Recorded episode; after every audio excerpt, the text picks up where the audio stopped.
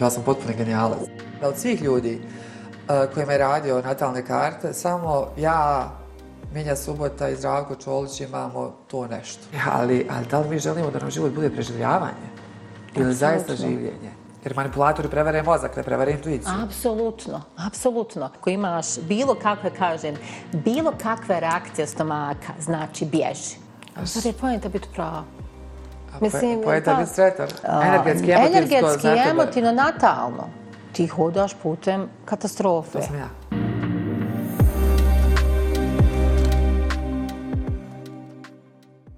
Danas sa mnom u podcastu moja, moram da kažem, draga Kristina Ljevak-Bajramović.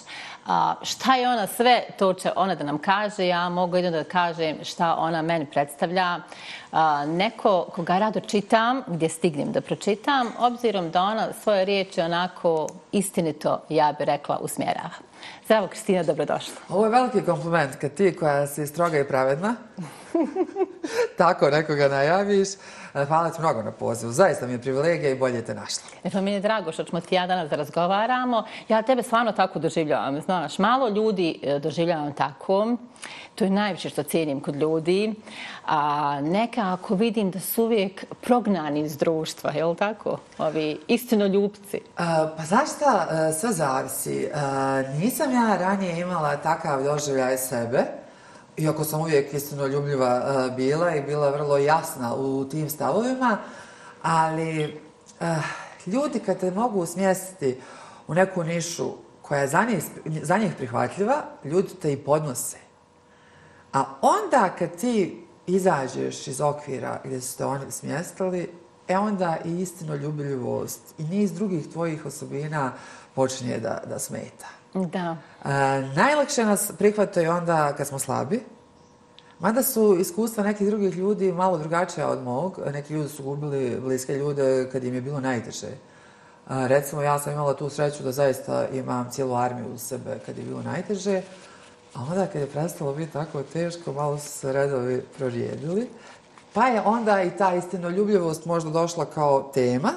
A zapravo ranije ne. Dok sam bila nesretna, mogla sam biti još pa, istinoljubljivija. Nije to meni čudno, znaš, nije to meni čudno. Ja sam baš nekako i, i gledala ta iskustva da ljudi kad im je dobro, kad im je lijepo, kad nekako imaju ne, neku centriranost, da imaju manje ljudi oko sebe. Nego, nego kad im je ružno. Nekako moja... vole ljudi, znaš, da, da budu kao neka pomoć ovim unesrećenim. Jedna moje, od mojih najbližih prijateljica, istovremeno i kuma, i 30 godina smo nerazdvojne, Eh, je rekla kao Kristina, eh, vrijeme je da u 40-im shvatiš da ljudi ne mogu imati 40 prijatelja. Nisam imala nikad tu iluziju. Imam taj najuži krug eh, prijateljstava iz djetinstva i onih prijateljstava koji su formirani kroz život uz vrlo jednu pažljivu selekciju. Nisam ja, neki ljudi imaju manje, ta moja prijateljica ima mnogo gušće sito, ali nisam ja nešto bila ekstremna u očekivanjima da nam sto ljudi mogu biti prijatelji i prijateljice. Ja nikad nisam imala raju. Ja sam uvijek imala prijatelje i prijateljice. Nisam ja imala rajnik. Ali eto, tako dešava se zadnje vrijeme. E, Možda je zbog neke anksioznosti svoje, ne volim puno ljudi oko sebe. Ne, ne, ne, ozbiljno. Ne, imam isto, isto mišljenje. Mislim da treba imati neka... Ali ja, ja sam pokušavala od raja očigledno stvoriti prijatelje. Aha, pa možda... A ja ne da volim puno ljudi oko sebe. Uh, ja sam, zbog čega se moj muž stalno e, šali i govori, ono, sad je vrijeme da taj koncept komune konačno komune, odmakneš. koncept komune. Jer ja sam cijeli život težila koncept komune, između ostalog, vjerojatno zbog toga što sam ja jedinica. Pritom je moja aha. mama jedinica. Uh, ni, bak, ni baka jeste, ali deda recimo isto nije imao puno braća i sestara. Uh, što ipak negdje imanentno našim bosansko-hercegovačkim porodicama da nas ima malo Maja, više, malo više, kod nas nije bilo. I vjerovatno je iz te pozicije odrastanja samog djeteta od majke koja nema braće i sestara također, možda se i tu negdje rodila neka potreba. Uglavnom, meni kad je dobro u nekom društvu i kad se dešava nešto, ja uvijek imam tu želju da predložim da svi od te večeri ili od narednog dana živimo zajedno. I da se družimo do kraja. Sad se, sad se učim uh, tome da je uh, porodica uh, zaista nešto čemu čovjek treba organski težiti, a od komune, posebno u zrelim godinama, se odmaći ili, kako bi to ti rekla, tvrđava. Tvrđava, da. Šta god ko od nas smatra utvrđavom, postoje ljudi koji su sretni, zaokruženi i, strukturirani mimo formalnog porodičnog života, nemaju možda bračno ili emotivno partnerstvo i nemaju djecu i što je potpuno legitimno. Naravno, i onda oni svoju tvrđavu grade kroz neka vrlo filtrirana prijateljstva, a ljudi koji imaju porodicu trebaju tu bazu definirati kao tvrđavu i onda razmišljati ko će kroz tu kapiju proći. Da, ali tu, znaš, ta porodica, pričamo o nekom idealnom tipu. Idealnom u smislu da je sve funkcionalno znaš sama, a i aktiv, aktivista si, pored ostalog, kako to može drugačije da izgleda. Najčešće izgleda drugačije. Da, i onda ne treba ni svaku tu tvrđavu čuvati, takvog ja tipa. Govorim ja znam da ti govoriš svojim normalnim, nego ja to moram dodati. Koju sami formiramo. Da, da, da. Uh, porodica porijekla uh, najčešće, nažalost, nije tvrđava. Da. Ja govorim o onoj koju smo sami izabrali, kad je izbor blizak srcu. Da, slažem se. I smatram također da biološko roditeljstvo i biološka porodica nisu garancija za sreću. Moj muž nije biološki otac mojih čerki, ali je sve prisutni, emotivni ali to je najbitnije. oslonac. Bitno je koju ulogu stvarno možemo da iznesemo. Nije bitno koja nam je nametnuta. I, da, i, i njihov. Da. Tako da u ovom slučaju biologija ništa ne znači. Ja, suprugovu sestru smatram tetkom e, mojih čerki. Da. Mislim, meni apsolutno biologija ne igra nikakvu pa, ulogu. Biologija na kraju dana ne igra iskrenu ulogu, osim u rodnom listu. Što je sreća u nekim situacijama? Zamislila svi ličimo na svoje majke i očeve? Ja ne bila da niko ni na kog liči, mislim. Ne, ne zbog majke i očeva, nego mislim treba malo različitosti, rasta i razvoja, ali generalno mislim da je to malo precijenjeno. Ja uvijek govorim da je biologija preciljena, malo me nekad onako ljudi poprijeko, poprijeko gledaju, da. Ja sam presretna kad vidim recimo koliko su moje čerke međusobno različite i koliko njena od njih, uh, barem po meni, nema pretjeranih uh, genetskih uh, karakteristika sa svojim biološkim srodnicima. Da, I mene ta autentičnost nešto što je privilegija, stvarno Privilegija treba je čuvat, naravno. Da, da. Dobro, to mislim, ljudi koji razmišljaju o životu i razvoju mogu da, da očuvaju, a da ne idu onako iz čiste neke lojalnosti prema, prema porijeklu. Upična lojalnost prema porijeklu jednom času, Boga Kako mi... Kako se to divno definisalo, lojalnost tako, prema porijeklu. To je dio, dio tradicije naše. Mi su tako vaspitani, vaspitani. Ja, ali eto, dok nas je davalo to? To pred oblačkih ratova. Pa. Ako ćemo u, u, u krajnost. Ali nemoj nećemo, nećemo, nećemo. Tema mi je onako, mi je ovo sve što se dešava. Naravno, dovoljno nas... Danas bi ja s tobom o nekim drugim stvarima. Um, moj podcast se zove Astrohub. E sad, ja sam imala neku ideju generalno sa svojim gostima da se mi malo više bavimo tim nekim iskustvima a, kroz astrologiju i generalno kroz a, tehniku koja, koja astrologija može da ponudi čovjeku. Boga mi od neke a, psihološke pa onda i do neke dublje.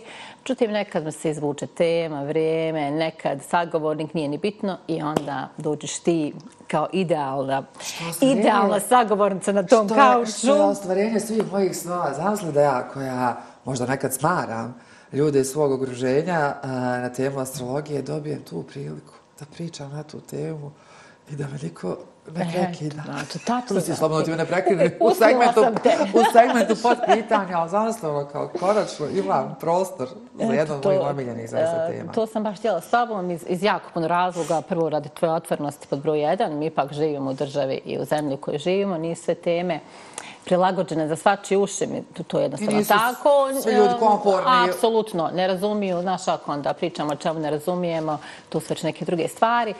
Tako da s tobom baš mogu lijepo, ovaj, detaljno, otvoreno i sve ono što je potrebno. I svu moju alergiju i ovo povremeno tretiranje nosa, ali nekam sva nevolja bude to. Ajde, ovo, ovo je podcast, nismo ni u kakvom formalnom ovaj, tom jel, TV formatu. Ja ga i volim što je na ti. Ja ovo ne znam na vi sve kad bi morala nekako ne znam da, jel da je bolje? Ne, podcast, podcast je melem za, za ljude našeg profila. Ne, baš tako. Samo sad da imamo oko nas hiljadu reflektora, tamo nešto iz režije govore, najčešće govore istovremeno kad govore ljudi u studiju i galame. Ja ne znam zašto vi. Ja to ne znam. Nije, Ovo je mjera, Ja ne mislim čak ni da je poštovanje kad govori vi. To je distanca. E, upravo tako. Dobro, nego da se ponovo negdje ne, ne, ne vratimo. Ovako, znači, mene interesuje kako je tebi prvi put palo na pamet, iskreno, da se obratiš nebitno prvom XY astrologu. Šta bude, ja znam šta je meni bilo. A reci meni šta je tebe. Pazi, meni je bilo, to je bilo davno, ja sam imala 25 24 ili 5 godina, znači baš je davno, a life ago.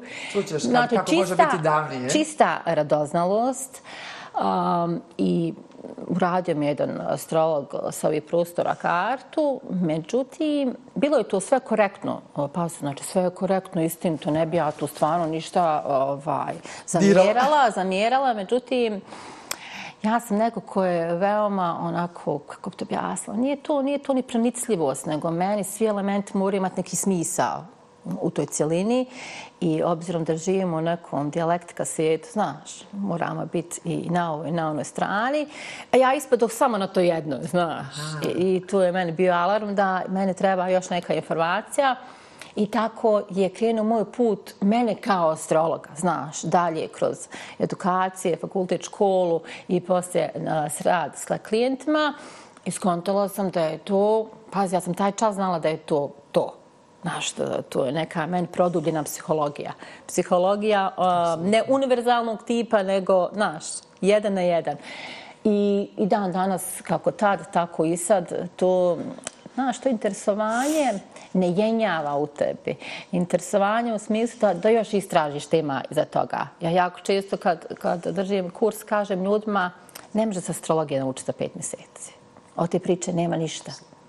To je to, toliko jedna živa i onako poprilično kompleksna stvar da je moramo non stop grati i, i slagati, grati, slagati. Ali tu je krenuo, recimo, moj put. Kako je krenuo tvoj? Mnogo ranije. Mnogo ranije. Mnogo ranije. Uh, ja imam jako otvorenu i radoznalu mamu na svu sreću. Dobro. Uh, I moja mama je radila natalnu kartu kod jednog čovjeka i dopao joj se vjerojatno i kao čovjek, kao astrolog s punim pravom. I onda je poželjela da ta osoba uradi natalnu kartu za njenog čerku. To je bila prva natalna karta koju je neko radio. Riječ je o e, Žarku Gambrož koji je bio moj celoživotni astrolog. Ja sam imala 17 godina tada, to je bila 97. godina. I sad vjerojatno je Žarko imao i neki odnos sprem činjenice da sam ja maloljetna u tom trenutku i on se fokusirao na moje uh, pozitivne osobine i pozitivne aspekte, što je prirodno kad radiš natalnu kartu nekome koji ima 17 godina rekao neke najljepše stvari uh, na svijetu o meni. E sreća, pa taj Saturn koji mene sređuje cijeli život, vjerovatno nije dozvolio da se ja opustim da pomislim, pa ja sam potpuno genijalac. Što se moglo desiti nekome koji ima 17 godina. Recimo, Žarka meni tada rekao, neću sad to ni pokušati citirati, jer ja zaista, ja volim astrologiju, razumijem astrologiju, ali ja niti znam uh, postupak, uh, niti uh, terminologiju. Ja jednostavno sam korisnica. Nisam pokušala nikada uh, da budem blizu onoga što se ti odmah nakon prve natalne karte. I sad da ja ne pokušala citirati, suština uh, jednog dijela tumačenja je bila ta da od svih ljudi uh, kojima je radio natalne karte, samo ja, Minja Subota i Zdravko Čolić imamo to nešto. Poslije ću emisije tebe pokušati objasniti šta je to nešto. Ne, baš me interesuje. Dobro. I sad ja sam neka blentovina bez onog Saturna koji stalno opominjam, pomislila, pa da, ja sam budući Zdravko Čolić i Minja Subota. Astrologija su predispozicije. Mislim da imam potrebe to tebi govoriti, jo, već publici. Da, da, neka, neka treba da spom... Trebaš i ti da spomeniš, jer ja uvijek govorim To pa... su predispozicije. Ono što se na svu sreću kod Zraka Čolića i Minje Subate razvilo, kod mene, nažalost, nije. Ali ni tu ne treba biti neskroman i zanemariti tu astrološku predispoziciju. Oni su dostigli uh, najviše što se na Balkanu može uh, na polju scenskog izražavanja. Ja nisam i zbog svoje stidljivosti, i zbog uh, specifičnih načina odrastanja, zbog vremenskog trenutka, zbog ko zna čega sve ne. Ali ja također nemam problem kad sam pred kamerom ili kad sam pred publikom. Možda ne na način na koji nemaju zdravko i minja, ali ima nekog vraga što je Žarko vidio da postoji samo od toliko ljudi kojima je radio, samo kod nas troje taj neki happy. uh, od tada, pa narednih, uh, ko zna koliko uh, godina, da ne kažem decenija, Ja sam stalno radila uh, solarni uh, horoskop kožarka i posljednji put je bilo 2019. godine, pred COVID, i to je zapravo godina kad počinje uh, moj život uh, da liči na igranu seriju. E sad sve zavisi od perioda uh, kom žanru pripada, nekad su to bili Aha. thrilleri. Znači to je bilo prije četiri godine. Ja sam u trenutku uh, kad ta serija zaista dobija elemente trilera, shvatila, i to je jako važno, opet kažem, možda ta saturnovska mudrost meni daje uh, tu lepezu, e, Mene nikad nije motivisalo da sama proučavam astrologiju, ali sam shvatila e, da nam različiti astrolozi trebaju u različitim periodima života i da nije svaki tip astrologa, koliko god bio mjerodavan za svaku osobu, posebno ne za svaku fazu. U slučaju Žarke i mene najčešće su bili živi susreti koje sam i najviše kao takve, osim taj prvi koji mama ja, inicirala i on se tad snimio na, na mhm, kasetu, pa sam jedno sat vremena slušala, to su bilo još vrijeme audio kaseta, to možda neki među našom publikom ne znaju kako to uopšte postoji, kako to? je izgledalo. Znači, samo tada je bilo snimljeno, sve ostalo je uglavnom bilo uživo i a, ja sam pomislila tada, kad se prilično život raspadao, a, to je bila negdje rana, a, a, kasna zima prošle godine, a, da, da smo se, Žarko i ja, nekako više, da smo postali nekako više familijarni. I da ne bi ja možda ne bila najsretnija da u takvom životnom raspadnuću dođem nekome, pa makar telefonski, koji je cijeli život bio moj, kako bih rekla, i saveznik i savjetnik. I ja sam cijeli život imala a, dobru mrežu pomagača, a uspjela se u takve mreže zaposli. Pa se pitam šta se desi ljudima koji to nemaju, koji ja. ne znaju da imaju pravo i da to nije strašno. Potražite... Sve to, sve to cesta ko, ko, ono, kojom se moraš kretati. Ali meni negdje bilo čak i sramota da se javim u tom trenutku, kažem, aj pogledaj sad tranzite, jer sam znala da je riječ ja. o, o, o, o, kako bi rekla, o jednoj velikoj koncentraciji besmisla, bezdana i, i koje čega sve. I tada odlučim na preporuku naše dvojice zajedničkih prijatelja da se obratim tebi. I u tom trenutku uh, da nisu, i nisu samo to bile njihove preporuke, ja sam čula mnoštvo ljudi koji o tome, o tome pohvalno govore, ali o iskustvima astrološkog savjetovanja. Ali ova dvojica ljudi su mi bila najvjerodavnija jer su mi najbliži. Uh, I da nije bilo tako iskrenih njihovih preporuka, ja bi možda u jednom trenutku našeg razgovora a COVID je i razgovaramo putem telefona, nismo se uživo srele, Ja možda u jednom trenutku našeg razgovora a, rekla, a, ajde, da li da vidi, jesi ti okej okay, onaj, ovih dana. Ja vjerujem da si ti besprijekorna u, u, u svom znanju, ali možda, znaš, no, ljudi nekad preko noći malo odlijepi. Znaš, možda se tam što? Što? A rekla si mi da predamnom stoji najbolji period mog života, da moje Aha. najbolje godine dolaze. Ja, a ti iz trenutka u kojem se to dešava, naučna fantastika. Mislim, ne, ne samo naučna to... fantastika, već, već do te mjere je to uh, nelogično da se brinem za tvoje mentalno zdravlje. Ali ja vidim sve ovo ostalo što ti govoriš uh, da je okej. Okay da sve što govoriš vezano za moja prethodna iskustva i moja osobina, vidiš, odmah se uznemirim kad počnem o tome da govorim, pa ću vam malo sad napraviti promjenu ovog, kako se zove, stylinga. Sve što ti govoriš do tog momenta, apsolutno pije vode, što bi naš narod rekao. Ali kad ti me govoriš da moje najbolje godine dolaze, kao, kako? Kako iz te pozicije mogu najbolje godine? Mogu. Ali ja opet kažem, iz poštovanja zbog preporuke i zbog svega što si do tog momenta rekla, ja saslušam to do kraja. I sve što je gospođa ovdje prisutno rekla, tada, do dana današnjeg, bilo je tačno, ali jako važno da, da ljudi također znaju da astrologija nije proricanje. Apsolutno ne, apsolutno ne. Ono I da je Dalida je... govorila na temelju uh, aspekata u narodnom periodu, da. a vrlo surovo iskreno da, iako su to najbolje godine, da će recimo do polovine 2024. biti ovako kako je sada, sa tim ono, rollercoasterskim uh, momentima, Onda kvantam kad sam ovo dosad preživila, šta je polovina 24. to dok se pa okrenem, iza čoška, će, iza čoška će ta polovina Ali interesantno mi je što si to rekla ga, u trenutku kad se nešto dešava, znači što čovjeku nije prijatno, znači nije, nije ugodno. I kad imamo jednu vrstu, jel, kako te objasnim, perioda, da to tako da pojednostavim, koja ukazuje na apsolutno suprotnu a, priliku života, ali moram reći da je prijelka. Jer ako nešto ne uradimo, neće se samo stvoriti s neba. Ja nisam pomjerila iz prethodne okolnosti. Upravo tako, ja uvijek i kažem šta je ono što moramo uraditi da bi krenuli tu lijevo, desno ili šta da se na neki način odvije na, bolji način u našem životu. Hoću da ti kažem da jako često dolazim u tu upravo situaciju uh, s klijentima.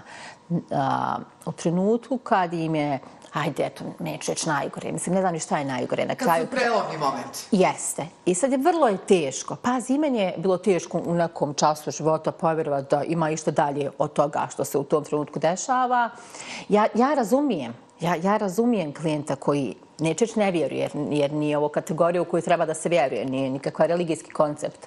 Ali a, kažem, a, eto, pusti misli. Samo, samo pusti. Nije, ne, ne mora ne vjerovati. Znači, samo pusti pa napravi, napravi taj prostor.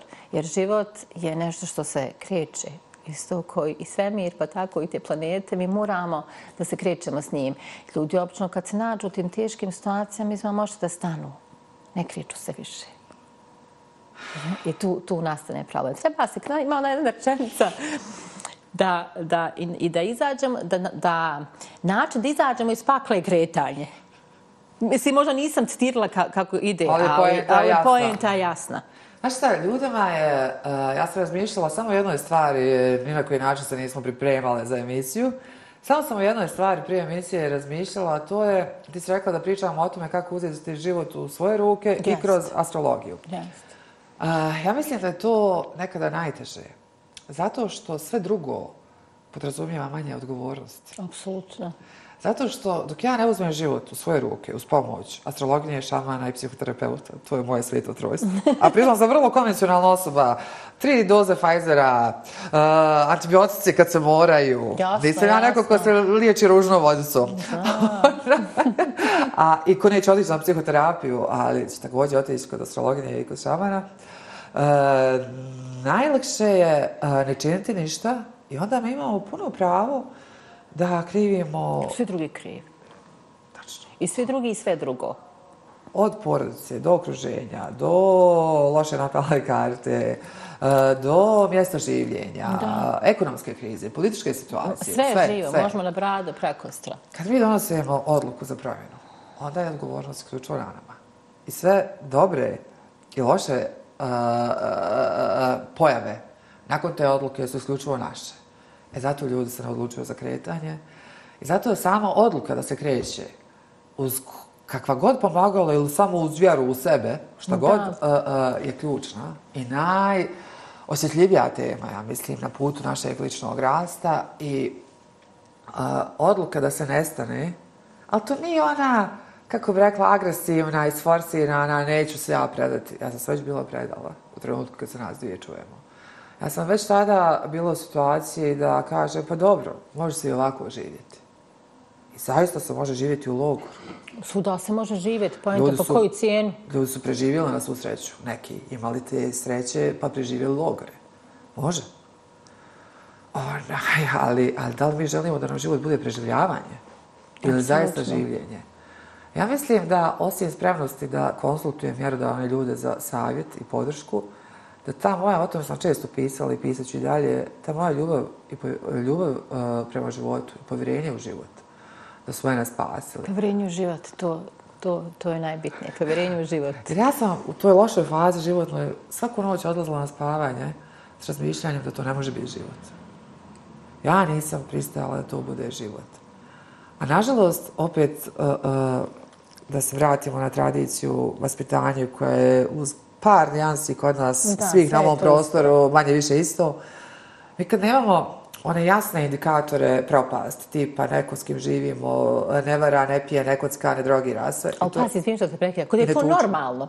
Znaš, kod je to inače normalno, pa, taj, to užas, radi, pa kao... taj užas, pa kad ne radi kao taj normalni užas, onda je kao super.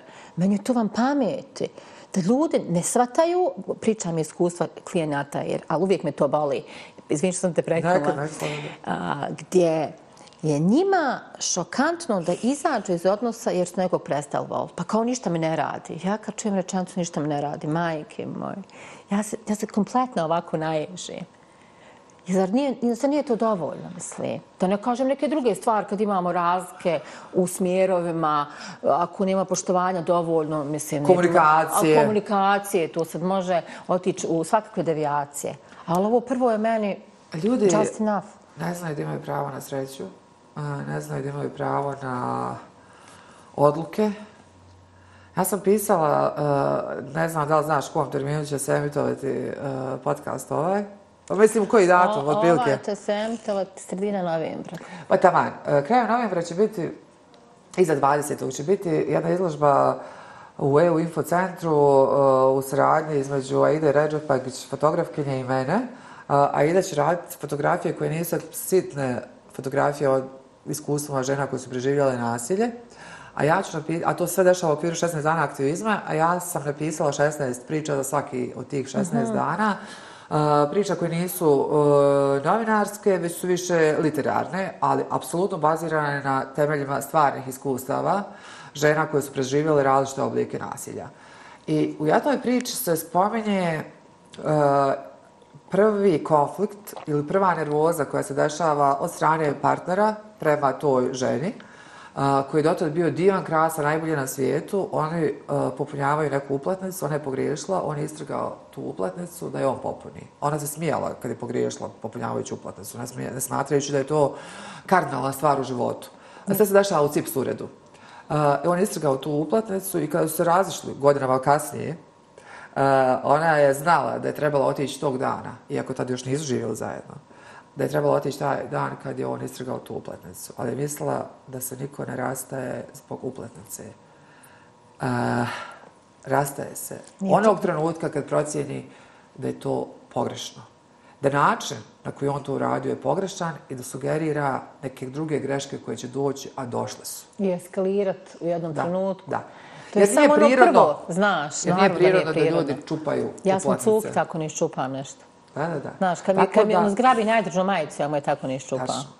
I zato je to uh, posljedica uh, ljudske, uh, ljudskog naznanja da imaju pravo na sreću i pravo na to da odluče da je kraj zbog upletnice, zbog loše energije, zbog intuicije. Da imaju pravo da kažu da, razvela sam se ili razvela sam se zbog intuicije. Intuicija moja mi je govorila da to treba da učinim. Intuicija je stvarno, mislim, stvarna. Ja, često vidim da ljudi... Ali treba imati hrabrost reći razvila sam se ili razvila zbog intuicije. U našem društvu. Pa reće svi pa idi... Pazi, ali intuicija je nešto što je puno kompleksnije, dublje, intenzivnije i ja bih rekla, ne znam čak ne nađem dobru riječ za to od mozga. Znaš, mozak može do jednom trenutku... Prega, pa, mozak manipulatori. I prevare ga. Da nas laže Pa mozak nas sobstveni laže, jer on rida slike neke koje je vidio, pa ih rida u neki kontekst, da li on stvarno nije, mislim, ko ćete ga znati, ja sad mogu svašta o sebi da mislim, ali tačno znam šta sam. Jer manipulatori prevare mozak, ne prevare intuiciju. Apsolutno, apsolutno. Tako da intuicija kao takva je po meni najbolji, ja to zovem istokom, istokom tijela, znaš istog tijela i uvijek znaš gdje treba da se okreneš ili gdje ne treba. Ali eto, ne slušaj ljudi, ja i s klijentima često imam pa neću reći probleme, ali toliko vole da idu na tu mentalnu stranu ličnosti. Da izracionaliziraju sve. I šta? Ja kažem šta, evo ja sam neko ko je racionalno stvarno po svojoj prirodi, neko ko je ono, uvijek čvrsto na zemlji, ali ja nikad neću odluku e, donijeti u životu na osnovu toga je li nešto 2 plus 2, 4. Meni to ništa ne znači, to je meni računica na kraju dana. Zna se kako se odluka donosi. Kad negdje dođeš, nekog vidiš, priđeš, ako imaš bilo kakve, kažem, bilo kakve reakcije stomaka, znači bježi. Čak i leptirči. Ali to ljudi recimo ne znaju. Misle da su leptirči. Ja, super leptirči. Ne, ne, ne. Leptirči znači trči koliko te noge nose. Kad odlete...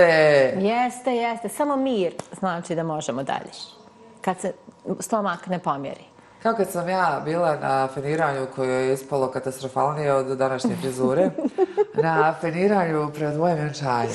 Dobro. Ja vidim da to feniranje, znači sama po sebi situacija da nije vjenčanje, da je običan dan, Samo po sebi situacija a, tog filiranja koji ide u propast bi nekom stvorila nervozu. Ja vidim da to ide u propast, ali znam vidim kod vrhunske šminkarice poslije na šminku i znam da će ona to srediti i puštam. Samo je važno da to završe, jer neću njima da stvaram nelagodu. Uh, pritom sam ja kriva, nisam otišla u neki salon u koji idem godinama, jer ne mogu otići u taj salon, pošto sam frizerka, ja sam loj, lojalna osoba, frizerka sam suda, ali otišla i sad, ja tako sam se potuzam u frizerskim salonima raznim. Znači, sama sam kriva, otišla sam negdje gdje nije provjereno, tu su neke mlade djevojke, šefca im nije bila tu, ne želim da njima stvaram nelagodu, ja sam samo pustila oni tu kosu osvuše i da ja ne idem baš mokre glave i da završimo tu priču. I gledam ja tako kako mi tandaraju po toj glavi, s kakvim ja mirom podnosim to sve, a trebam za sad treba da se vjenčam. Razmišljam, da li sam ja ikada ovu vrstu mira i tu vrstu ono, apsolutne uvjerenosti u svoju odluku, ali ne one nabildane uvjerenosti, da. već one potpune sabrane, osjetla, ne nisam i to je to. Mi kad, kad uh, donosimo odluke koje su dobre za nas, nema ni leptirića, ni euforije, ni snage, sad ćemo mi, mi kad idemo možda da osvajamo neki planinski vrh, onda možda, da, da mi ne smo neko možda nešto dokazalo, onda ćemo možda imati tu snagu, sad ćeš vidjeti mene. Kad nemaš taj moment, sad ćeš vidjeti mene. Da. Ili kad nemaš potrebu da ikome bilo šta pokazuješ, a po najmanje sebi. To je, to je ono, apsolutni zanimljiv, dešava se često i do toga se dolazi težim putevima nerijetko, ali kad se stigne... Bitno je da se dođe, znaš. da se dođe. Ja Jedino je problem kad često ponavljamo te teže puteve jedne te iste. Slažem se. Problem je, pazi, prvo problem je zato što nam život prođe ponavljajući puteve. Mislim da nema, da nema potrebe za te. A, problem, mislim da je malo problem u našem društvu, jedna, to držanje tog obrazca ono, do smrti. I nije bitno, jel on tebi donese šta ti treba u životu ili ne donese, a ne donese, uglavnom te odnese, ali mi ćemo to tako eh, i nikako. Pogotovo, pogotovo u tim eh, partnerskim odnosima, Već sam se ja doticala ti partnerski odnos. Mene, mene, znaš, mene boli kad ljudi prosto misle da trebaju da žive sebe. u ničemu. Znaš, mene tu, ja to nekako izvučem svaki podcast, ali eto, moram šta ću. Jer mi je bitno... To je jasno jedna od najvažnijih tema pa, naših mislim, života, apsolutno. Pogotovo ovo što smo se nagledali, ovih svakakvih situacija, da. da to, da, mislim, strašno. Neko ljeto je bilo samo u tome. Jeste, apsolutno. SFF nam je prošao u tome. Nismo imali ove godine ni pravo na tu iluziju. Mi svi znamo da SFF je iluzija, ne sam festival i njegov Jasno. sadržaj, već ono što kreira u gradu. E, ove godine, zahvaljujući prvom live femicidu, da, mi nismo da, imali da. pravo na tu iluziju. Mi smo pravili to vrijeme. I, ali, znaš kako, sve, sve to kreće upravo od, um, od toga da je ok ovo, je ok ono, mislim, ono što nije ok kod ta uplatnica uh, malo prije. I onda me, recimo, klijent uđe već u stanju koje je ono, rasulo, Ali hajde Rasulu, što mi se ne znamo gdje ćemo, nego govorim Rasulima koji su puno žešći od ne znam šta ću sa sobom. I vrlo je, pazi, ja ne, ne uvjeravam nikoga ni ušta, nije moj posao da uvjeravam. Moj posao je da, da pokažem drugu perspektivu, ali ne perspektivu koju sam ja nama štala, koja nego koja je u nečoj natalnoj karti. I ima Bogam primjera, Bogu hvala, jer da nema takvi primjer, ja bi davno prestala da radim, jer treba meni potvrda, neka... potvrda da je neko vidio da može i da, da je popravio sebe i svoj život. Znaš, ne promijenio, ne možemo i sebe da promijenimo, mi možemo sebe unaprijed promijeniti, ne možemo, ali unaprijed možemo. I onda se zbog toga, to koliko god broja a, vrijedi i dalje a, i čovim putem, Boga, meni ne, bude majkim drago. Ja klijentima vjerujem, kažem, pošalj mi porku. Ali vjerujem da je iscrpljujuće. Vjerujem da je iscrpljujuće, jer postoje ljudi koji su toliko zacementirani u svojim stavovima, da one neće da dozvole a, da je neko drugi u pravu. Koliko god a, to podrazumijevalo poboljšanje njihovog života. Zar je pojenta biti pravo? Mislim, pojenta biti sretan. Pojenta biti sretan, ali, upravo tako. Ali toliko je ljudi koji, koji su toliko energije potrošili. Svako može biti pravo. Tačno. Znači, ko ima malo brži mozak, malo brži jezik, taj Upravo to sve zavisi. I kako stvar pospija, trebamo određenom trenutku. Ne, ne, ali, ali postoje ljudi koji će sve resurse uložiti u to da oni ispadnu u pravo. I toliko se radosti u životu odreći. Pa nije biti u miru nego pravo. To je omiljena rečenica moja. A Boga, ja to vidim s djetetom, znaš. Ja bi se ja nadoravala sa sobstvenim djetetom, a nema govora. Ne zato što ja ne mogu, ima li pojente? Mislim, gdje je pojenta na kraju naduravanja? Zašto? Je to, jeste tako je beba u pravsi i svi sretni. I on dana na kraju skonta da to tako nije, em je naučila na svom iskustvu, em je preuzela odgovornost za svoju akciju, em smo izbjegli dramu, znači širokih razmjera. E, ali to je ono, ono ego o kojem možemo da pričamo. Od ega mame pa do ega ne znam čega. To je, to je zapravo uzrok uh, svih naših jada. Mislim, nisam ja to smislila, ne izmislila, o tome su napisane knjige i knjige i mnogo pametni ljudi o tome posvetili cijeli svoj radni vijek. Uh, on definiše sve. I kad njega ne možemo da savladamo, kad ne možemo s njim napraviti uh, neko, neko pomirenje, a, onda, onda jednostavno se to reflektuje na sve naše odnose, na sve naše odluke. A, to, to može, ego može biti najveći prijatelj, najveći neprijatelj čovjeka. Kad, znaš, kad posmatram iz ovog, eh, iz, iz koncepta te energetske astrologije, što je jedna vrlo lijepa, recimo, psihologija za mene, ti ljudi koji imaju problem, recimo, s tim egom, ali ego je širok je pojam, Eh, nego ja bih rekla, hajde, kad koji imaju probleme sa generalno poimanjem eh, lične moći. I ti koji, recimo, izgledaju većini da su onako u centru neke moći, to je ta vanjska moć, u principu su najnemoćniji ljudi. Jer oni minute kad, evo, zamislimo da imamo neki magični štapić i da sklonimo sve ono što njima predstavlja moć. Nije bitno da li je to položaj na kojem se neko nalazi, da li je to novac, da li je to izgled kod nekoga, oni se apsolutno urušavaju. Uh, istinski, istinski moćni ljudi sa, znači, sa jakim tim uh, položajem sunca ili solarnog pleksa su ljudi koji ne nameću svoj stav nikome, ne bi vjerovala. To je neki tihi autoritet koji nema čak potrebu ni da tebe ispravi ono, kad ti pogriješiš neku evidentnu stvar koju će te napružiti ruku. Tako divna definicija. E pa, ali znaš ako ih je malo. I nije uopšte floskula ono kad kaže, recimo, doći novinari, novinarke često reći da su im bili najzahvalniji uh, sagovornici, sagovornici ljudi koji su najuspješniji u svojoj profesiji. A to je tako. Evo ti kad gledaš nekoga koje je stvarno ostvarenje, a, ne znam, svega i svačega unutar neke svoje profesije ili ekspertize, ali stvarno ostvarenje, ne mislim ja, no PR-ovsko ostvarenje. Tačno, tačno. To su neki ljudi koji ti ne bi nikad ni izdvojio iz neke gomule. Znaš, on je, ali zar nije to divno? Naš poniznost je, je odlika a, ljudi koji su otkrili tajnu života, ja bih rekla. Ne znaju to baš svi. Pa ako im zvuči ovima drugima koji nisu ponizni, ako im zvuči ta poniznost zastrašujuće, možemo to preimenovati u mjeru. E, baš tako.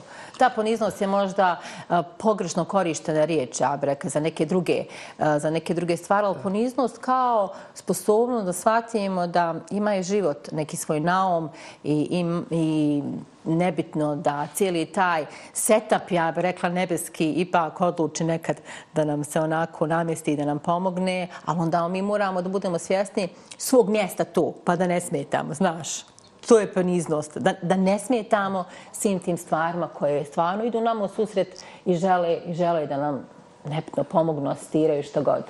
U jednoj fazi uh, jednog od mojih akutnih problema u, u životu, uh, cijela društvena zajednica je znala za jedan dio problema, jer on bio evidentan i bio prisutan na mhm. društvenim mrežama.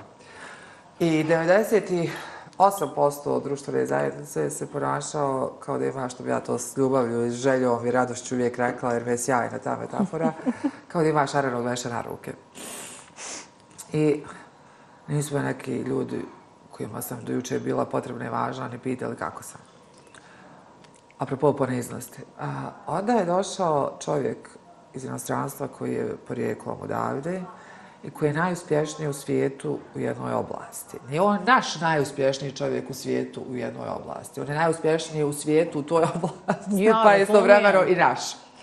Mi se nismo ranije znali uh, i sreli smo se to prošlo ljeto zahvaljujući poslu. I taj čovjek, uh, kad smo završili taj poslovni dio, je rekao da se ispričava što će me pitati nešto što je privatno, ali on jednostavno vidio to na društvenim mrežama i da je to toliko bilo ono pristutno da nije mogao ne vidjeti, pa me želi pitati da me može na neki način pomoći. I tako. Ja, tako to rade veliki. Pa sve se rekla, baš tako. Tako to rade veliki. veliki uh, naprave prostora i za uh, manje velike, znaš. Ali dobro, mislim, sve je to, sve je to opšte poznata stvar. Samo je nezgodno nekad, uh, kad te opšte poznate uh, stvari nam se poredaju u našem životu vrlo intenzivno jedna za drugom. Da. Znaš, kad imaš to neko ponavljanje, mislim, sve u životu što nam se desi, ili većina stvari, loših, su po meni uh, propuštena prilika da na vrijeme na lakši način nauču lekcije. Ja znam da... Slažem se. Da, da sam ja imala taj jedan uh, uh, ubrzani edukativni period, upravo zbog toga što sam mogla na mnogo lakši način naučiti neke lekcije, a nisam iz nekog ličnog merhametlika, tolerancije, pa ja mislim negdje i, i kompleksa više vrijednosti, koji zaista jeste kompleks, da sam ja neke ljude i njihove nesavršenosti posmatrala iz perspektive osobe koja je iznad njih, pa njima tolerisala. Pa nije tolerancija baš uvijek zdrava, znaš. Pa zato i govorim da je to posljedica kompleksa više vrijednosti, to apsolutno nije zdravo. Pa ne možeš neka mediokriterijska ponašanja, permanentna, uh, tolerisati duže od nekog vremena koje ima ograničeno trajanje. A kod mene su to bila beskonačna Jer nekad naš uvijek priča toleranciji, pa onda krenu kako je to divno i krasno. Ja često kažem kad recimo, kad se bavim upravo nekom problematikom nepetno blokiranog nekog, recimo, energetskog centra kod klijenta, ja kažem, a, posmatrano sociološki, ovo bi vjerovatno bila vrlina, ovo što ti radiš, pa si ti uvijek tu za druge, pa d. Međutim, posmatrano a, a, energetski, energetski emotivno, natalno, ti hodaš putem katastrofe. To sam ja. To sam meni rekla. E pa ima, ima, eto vidiš, ima vas još takvi. Ali ozbiljno ti govori. Pa zbog takvih ti drugi mogu da eksistiraju. Ali pazi, trebamo znat kad da, šta nam je bitnije u trenutku. I kad već neko kaže, znaš, evo govorim da je meni Bog do neko nešto slično rekao. Ali majke je moj jednom trenutku života. Eto, ja bi stvarno, ne, e, hajde da uobziriš nešto, samo po, tu ti sjed posle kuć sam sa sobom, pa vidi šta ti je tamo, neko rekao koliko to tebi, ne znam, dobro ili koliko se negdje uklapa. Ali ti mora ti otvoriti se neka perspektiva, znaš. Pogotovo neko ko te ne zna, što nemam ja potreb da sudvaram tebe, bilo kome drugom. Šta više ima, mislim da, da je moj stil možda malo i kruči od, od stilova drugih. Zato sam rekla da nam u različitim fazama sigurno trebaju različiti astrolozi uh, i da sigurno uh, neki ljudi uh, nemaju kapacitete da prihvate otvorenost. Ja ne bih čak rekla ni surovost, uh, već otvorenost i spremnost da do kraja budu jasni, poput recimo tebe. Ti zaista nisi za one kojima treba pričati bajke i držati ih za ruku i govoriti da se čuju to 150. put njihove vrline. Šta meni sad treba da astrolog govori o tome kako sam ja komunikativna i kako su svi moji profesionalni uh, kapaciteti negdje na tom polju komunikacija. Pa stvarno, ako to sama ne znam, da. toliko životnih i profesionalnih godina, onda stvarno nema potrebe da neko to ponavlja i da uh, uh, tako češlja moj ego, odnosno gladi. Uh, mene treba neko da posloži u trenutku kada je neka radikalna situacija u pitanju uh, u koju sam samu sebe dovela, ali sad ne znam kako ću nazad. Mi nekad znamo sami kako ćemo nazad. Nekad zaista se toliko filova problema presluži preko nas da ne znamo. Da ne znamo gdje je taj put ka izlazu. Ne gdje je put ka izlazu, to, to preozbiljno zvuči. Gdje je prvi korak? Da, prvi korak. Kako da ga napravimo? Na koji način da se pomjerimo iz tog nekog uh, limba u koji smo sebe doveli? Da. I, i uh, tu, tu, sliv, ako, ako postoji nešto što, što je pritom zastavano na, na činjenicama kao što je astrologija i ako postoji uh, uh, mogućnost da se vidi koliko je određena situacija za nas nepovoljna, koliko smo mi nekompatibilni s nekim drugim ko nam bitno utiče na život. Ako imamo toliko jasnih pokazatelja, na kraju krajeva ljudi koji nemaju predstave o astrologiji mogu da vidi kako izgleda natalna karta i ako se uh, na mojoj natalnoj karti u jednoj polovini dešava košnica, u drugoj polovini ne postoji ništa. Pa i to valjda pokazuje da, da pokazuje usmjerenost, naravno, lične energije, apsolutno. Ali moglo, moglo bi to biti jasno ljudima vizuelno, koji ne znaju ništa o astrologiji, da. da postoji nešto što je utemeljeno i što nam može biti saveznik do donošenja nekih odluka. A jedan astrolog i astrologija vam reći reći doslovno što da radite, to nije dio ne, etike. Ne, ali ne može. Znaš, onda ne mogu ja preuzmati tvoju odgovornost. Prvo ne želim. Iskreno. A nije dio etike znači, da kažeš... Znači, ne preuzma me niko djeteta svog. Drugo, šta ti onda radiš u svom životu? Tačno. Hoće mi tako cijeli život tako rješavati. I mene kad neko pita šta ću, ja kažem, ne znam ja šta ćeš ti. Ja mogu jedno da ti kažem, ako kriniš, ne znam, lijevo, šta možeš očekivati i šta desno, ali opet je slobodna volja nešto, ne samo mi šta će biti. Jel me shvataš? Kako će neko izreagovati? Ali znamo kako putevi izgledaju. I moraš ti da uzmeš i da uradiš taj korak. To ne, neće baš sve, znaš. naj, najbolje bilo kad bi sad ti me nazvala i rekla šta ću ja sad, ja ti rekla, e to ćeš i to ćeš i tebi super. Nisi ti, znaš, nego ti rekao astrolog. Imala sam ja i takvih, ovaj, imala sam ja i takvih iskustava, da. Samo nisi ima neko ko uh, bi ostao na neki način mute na, na, na takvu jednu rečenicu. Znaš, jednostavno kaže, rekla mi, rekla mi astrologinja. Ko ti je rekao? Ne, ali pazi, mislim, kako, kako dokle ide ta ljudska potreba da nisu odgovorni Absolutno. za svoj korak. Apsolutno. Jer tebi kaže i doktor uzme antibiotike, je li tako, kad imaš uplo grla? Jel te zove svake dvije sekunde da pita je se uzela? Pa mislim, ne razumiješ o čem pričamo, tako da te stvari... A ljudi su tako učina nespremnosti na, na preuzimanje odgovornosti i donošenje odluka za koje samo mi snosimo posljedice je fascinantno. I uz ego, mislim da je i to jedan od ključnih razloga e, međuljudskih nerazumijevanja. Pa naravno, naravno. To su možda i, i dva najveća razloga treba preskočiti ovo prvo, a e, uzeti ovo drugo i sad se kako bi se fino, e, fino funkcionisalo. Ali što može, ja vjerujem stvarno. Ja nisam nikad bila uh, ono utopista da ja sad samo zamišljam tamo jel, neke ruže lali. Ja iskreno vjerujem da s onim što nam je dato, jer nam nije bez veze jel, to dato, možemo da napravimo jedan vrlo, neću da kažem korektan život, to nekako malo sterilno, ali razumiješ što da ti kažem. Nešto u životu što će biti funkcionalno i meni, i tebi, i, i nama svima i da izbjegnemo ovaj, ne znam kako, šta dođemo, neki životni otpad, ne znam. O, životni otpad, evo Boga evo, ne znam kako bi to drugačije nazvala. Na, životni otpad, to više nije ni, ni, ni, ni, ni, ni, nije to više ni taj limb, ne znam šta je to, još negdje dublje. Isto, znači, evo sad degresija bez veze, ali evo, gledam ove sad vijesti i cijeli ovaj, cijeli ovaj užas u Palestini, a, ne kažem namjerno rat, jer to veze s ratom nema. Apsolutno. Ne kažem sukob, jer to veze s sukobom nema. Jako sukob potraziva mene i tebe da se sukoblja. Da, da, jako irritantno kad se kaže sukob. I, i čuje se jako često u medijima, u javnom prostoru se čuje sukob, jako je to irritantno nazvati sukobom. Upravo tako. Kao da bi Srebrenicu zvali sukobom. Ja, ali šta mene najviše sad smeta tu? Smeta me A, ne ulazim ja u političke te, mislim, zavrzla me to, ne bi, mislim, Bog otpetljo, šta više su se decenijama svi upetljali, zapetljali u to, ja niti želim da se smaram a, mentalno s tim. Meni je, recimo, stravično da, da empatije nema. Pa nema je. Ima ovih nas, znaš, izađu na protest, podijele storiji, doniraju nebitno od svoje plate koliko mogu, ali pričam o jednoj spremnosti svijeta da da uživo gleda i da šuti. Uživo gleda genocid. Meni je to, pazi, ja ne znam kako to, ne mogu da nađem dovoljno, dovoljno snažnu riječ za užas. Meni je bilo strašno što smo vidjeli da je zanemarljivo, možemo oprostiti, u odnosu na Palestinu. Meni je bilo strašno da gledam Ukrajinu u 21. vijeku sa svih društvenih mrežava i da se to dešava kako se dešava.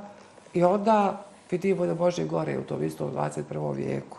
E pa, ja, to, je meni, to je meni kraj civilizacije. Ovo je kraj civilizacije i meni je nevjerovatno da trebamo kao da čekamo još neku zvaničnu objavu da je ovo treći svjetski. E, bila je objava carci, ne, ne za svjetski rat, nego za kraj civilizacije. Ja sam stvarno, iskreno, 2019. je govorila tako me nekim live-om, u intimnom tom krugu klijenata, da smo mi te godine ušli. U kraj civilizacije. A u jednu, hajde da kažemo, nećemo baš da budemo kraj, to nam je nekako tragično, hajde da kažemo redefinisanje civilizacije. Um, da bi se civilizacija sa svim onim što ona podrazumijeva redefinisala, jasno je da jedna stvar mora da okonča, da, da završi. E sad, nažalost, neke stvari uh, se deš, izgledaju dešavaju na način na koji se u Palestini dešavaju, ali ja volim da vjerujem da ću u jednom trenutku to doći u fazu u kojem će da se rodi neka potpuno, potpuno ovaj, slobodnija slika tih ljudi. E, razumiješ me? Neka koju su oni nekad imali i sad će ponovo negdje vrati, jer po nekim... Ali ako je toliko žrtava... Ja, pa, mislim, jasno je to meni, ja to ne mogu da izgovaram. Mene to stvarno uznemirava, iskreno ti govorim. Ali onaj, hoću ti kažem da ovaj, a, nije a, ni način na koji su dosad živjeli. Nije, Bio puno bolji od ovog, da, razumijem. Ne. Ali generalno cijela, cijela ta spremnost, spremnost a, da se prati ideologija na uštrb a, života je meni poražavajuće, malo ne znam, poražavajuće ime nešto manje, tu mi je strašno. I sad možemo to svesti na ove mikroprimjere da je neko zarad toga da bude u pravu spreman da svoj život liši radosti. Da. Ali samo zbog toga da ne bi u jednom trenutku priznao nemoć. Makar ta nemoć podrazmijevala a, boljitak kad se definiše i prizna osvijesti, a, zbog nesposobnosti da se prizna da u ovom trenutku sam nemoćna i želim da mi se pomogne da budem bolje, neko to neće nikada izgovoriti i nikada neće svoj život učiniti boljim. Pa, si ta nemoć i to bi se moglo do preko strapiće, šta je, šta je nemoć? Pa nešto što je nekome percepcija nemoći. Neko, što, neko sebe vidi u jednom, jednom trenutku kao nemoćnog, ali neće to priznati. Iako bi to možda priznanje vodilo ka a, ličnom zadovoljstvu, ka boljitku, ka popravljanju nekih krhotina od, kog se, od kojih se život samo pretvorio. To je samo svijest. Ne moramo mi, meni ljudi jako često kažu, samo kritika. Ja kažem, nije pojento samo kritici. Samo kritika je vrlo loš odnos prema samom sebi. Samo svijest. Znači, sposobnost da spoznamo dokle smo i dokle nismo. To je zdravo i to trebamo raditi. Kritikovat se, bož sačuvaj, ne trebamo. Ali um, ako sa svim tim alatima i mehanizmima i dalje stojimo na istom mjestu, onda nam ne trebaju ni astrolozi, ni psiholozi. Ne. Ma pokom, ja to iskreno kažem. Absolutno. Ja ljudima koji se ne kriču kažem, nemamo šta, gubiš ti svoje resurse, a svoje. A treba, moramo da se krećemo. I kada se jave za konsultacije, oni to rade u iščekivanju čarobnog štapića koji će poniti to na druga osoba. Hoće meni neko donije čarobni štapić, evo ja ću odmah. Pa Boga, evo ja čarobni štapić. To stvarno bi ponekad. Ali mi je jasno da nema, da je čarobni štapić tvoja spremno za djeluješ. To je čarobni štapić. Je li te boli glava? Ne, ne, ne, već me ubio ovaj, ovaj alergija, ali i to je posljedica pada imuniteta i reakcije na stres. Jer je kad smo spremni na najveća čišćenja u životu, uvijek se, neko malo, uvijek se neko malo blato zapati oko nas. Pa, pa ja, ali ti cijel... se čisti usput? Sad se čisti. Jesi li, jesi li sad na ono putanji nekoj koja te sviđa? Apsolutno, kada je riječ o tvrđavi, I, tvrđavi, naravno. Kada je riječ o tvrđavi i, i o onim stvarima koji zavise isključivo od mene i od tvrđave, ono na što ne mogu da utičem je i dalje van vinkla, ali preživjet će se do polovine te 2024. valjda. Ali to gdje sam bila prošle godine, baš u ovo vrijeme, gdje sam danas, to su... Kako je to odlična tehnika, odlična tehnika, recimo, samo ljubav. Ja samo nekad kažem, samo pogledaj godinu se vrati nazad i nabroji šta sve postigao za sebe do sad. I slobodno se pohvali. Treba se pohvaliti, da se možemo zagrliti, samo zagrliti, treba se samo zagrliti. Ja znam kad su neke, recimo, velike, važne stvari, koje su potvrda tih ličnih spremnosti na kretanje, ja znam otići na neku mjestu gdje sam bila nesretna. Gdje, mjesto koje mi je kao ilustracija... Sinonim, ja jeste, jeste, jeste, jeste. I a da baš tako dozvoljno na to mjesto i vizuelno na, i na svaki drugi način a, malo a, a, napraviti evaluaciju tog pređenog i, i u svakom trenutku nekako imati svijest a, kako se do nečega došlo, kako se došlo na neko mjesto. Nismo mi lansirani iz neke no, rakete, sve je bio proces, sve je bilo učenje kod nekih ljudi bolne i kod nekih manje bolno, sve zavisi od Saturna. Ali stvarno je tako, znaš stvarno je tako. Taj Saturn, ovo kad bi... Uh, najbitnije na svijetu, kad smo već kod tog Saturna, je razumjeti njegov dinamiku kroz kartu. moja i tvoja dinamika nije ista. Ni zato što si ti pametnija, ni zato što sam ja pametnija. Nijema to veze s tim, nego ti ga imaš na jednom dijelu, ja na drugom. Kad shvatimo koja nam je dinamika života, kad je prije svega dopustimo, jer sve što ne dopustimo neće se desiti. Ljudi ne razumiju da imaju toliko moć.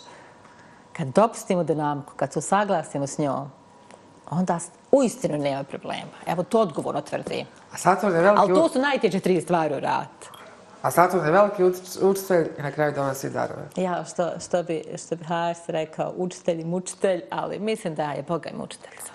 I donosi, donosi na kraju darove. Kad se Saturn isprsi, o, baš e, ovako e, džekovski e, počasti. Džekovski, pa džekovski. Ali dok traje ova tirada, traje... Pa da vidi, jesi ti vrijedna ti darova, nema to, znaš. Ne dobije se ne peca u školi, što tačno, se, ne tačno. znam, sladak samo. Da, za, Možeš za, prvu dobiti, ali Boga mi neće drugu. Zaista veliki učitelj. Mislim, tako, ali ja volim da banalno neke stvari objasnim kad je astrologija u pitanju. Jer tako na kraju ispadne. Znaš šta, Kristina, ja bi s tobom mogla dok se boje ne rastupe. I ja isto, ali čekaj nas... Čekaju neki, jeste mladu, mladunci. Mladunci za koje se rada da, da im je Saturn na, još rečeš kao njihovu astrologiju, čekat ćemo po roljetstvu, nadao se da im je Saturn na bolji poziciji, već majic. Mora biti, mora biti. To je generacijski, znaš, već pređeno. Hvala ti puno. Hvala te, mnogo na Uživala sam, nastavit ćemo ovo nekad, sigurno. Jedno čeka. I privatno i pred kamerama, koja god varijanta. To pogotovo, nego pred kamerama. Hvala, hvala. ti puno.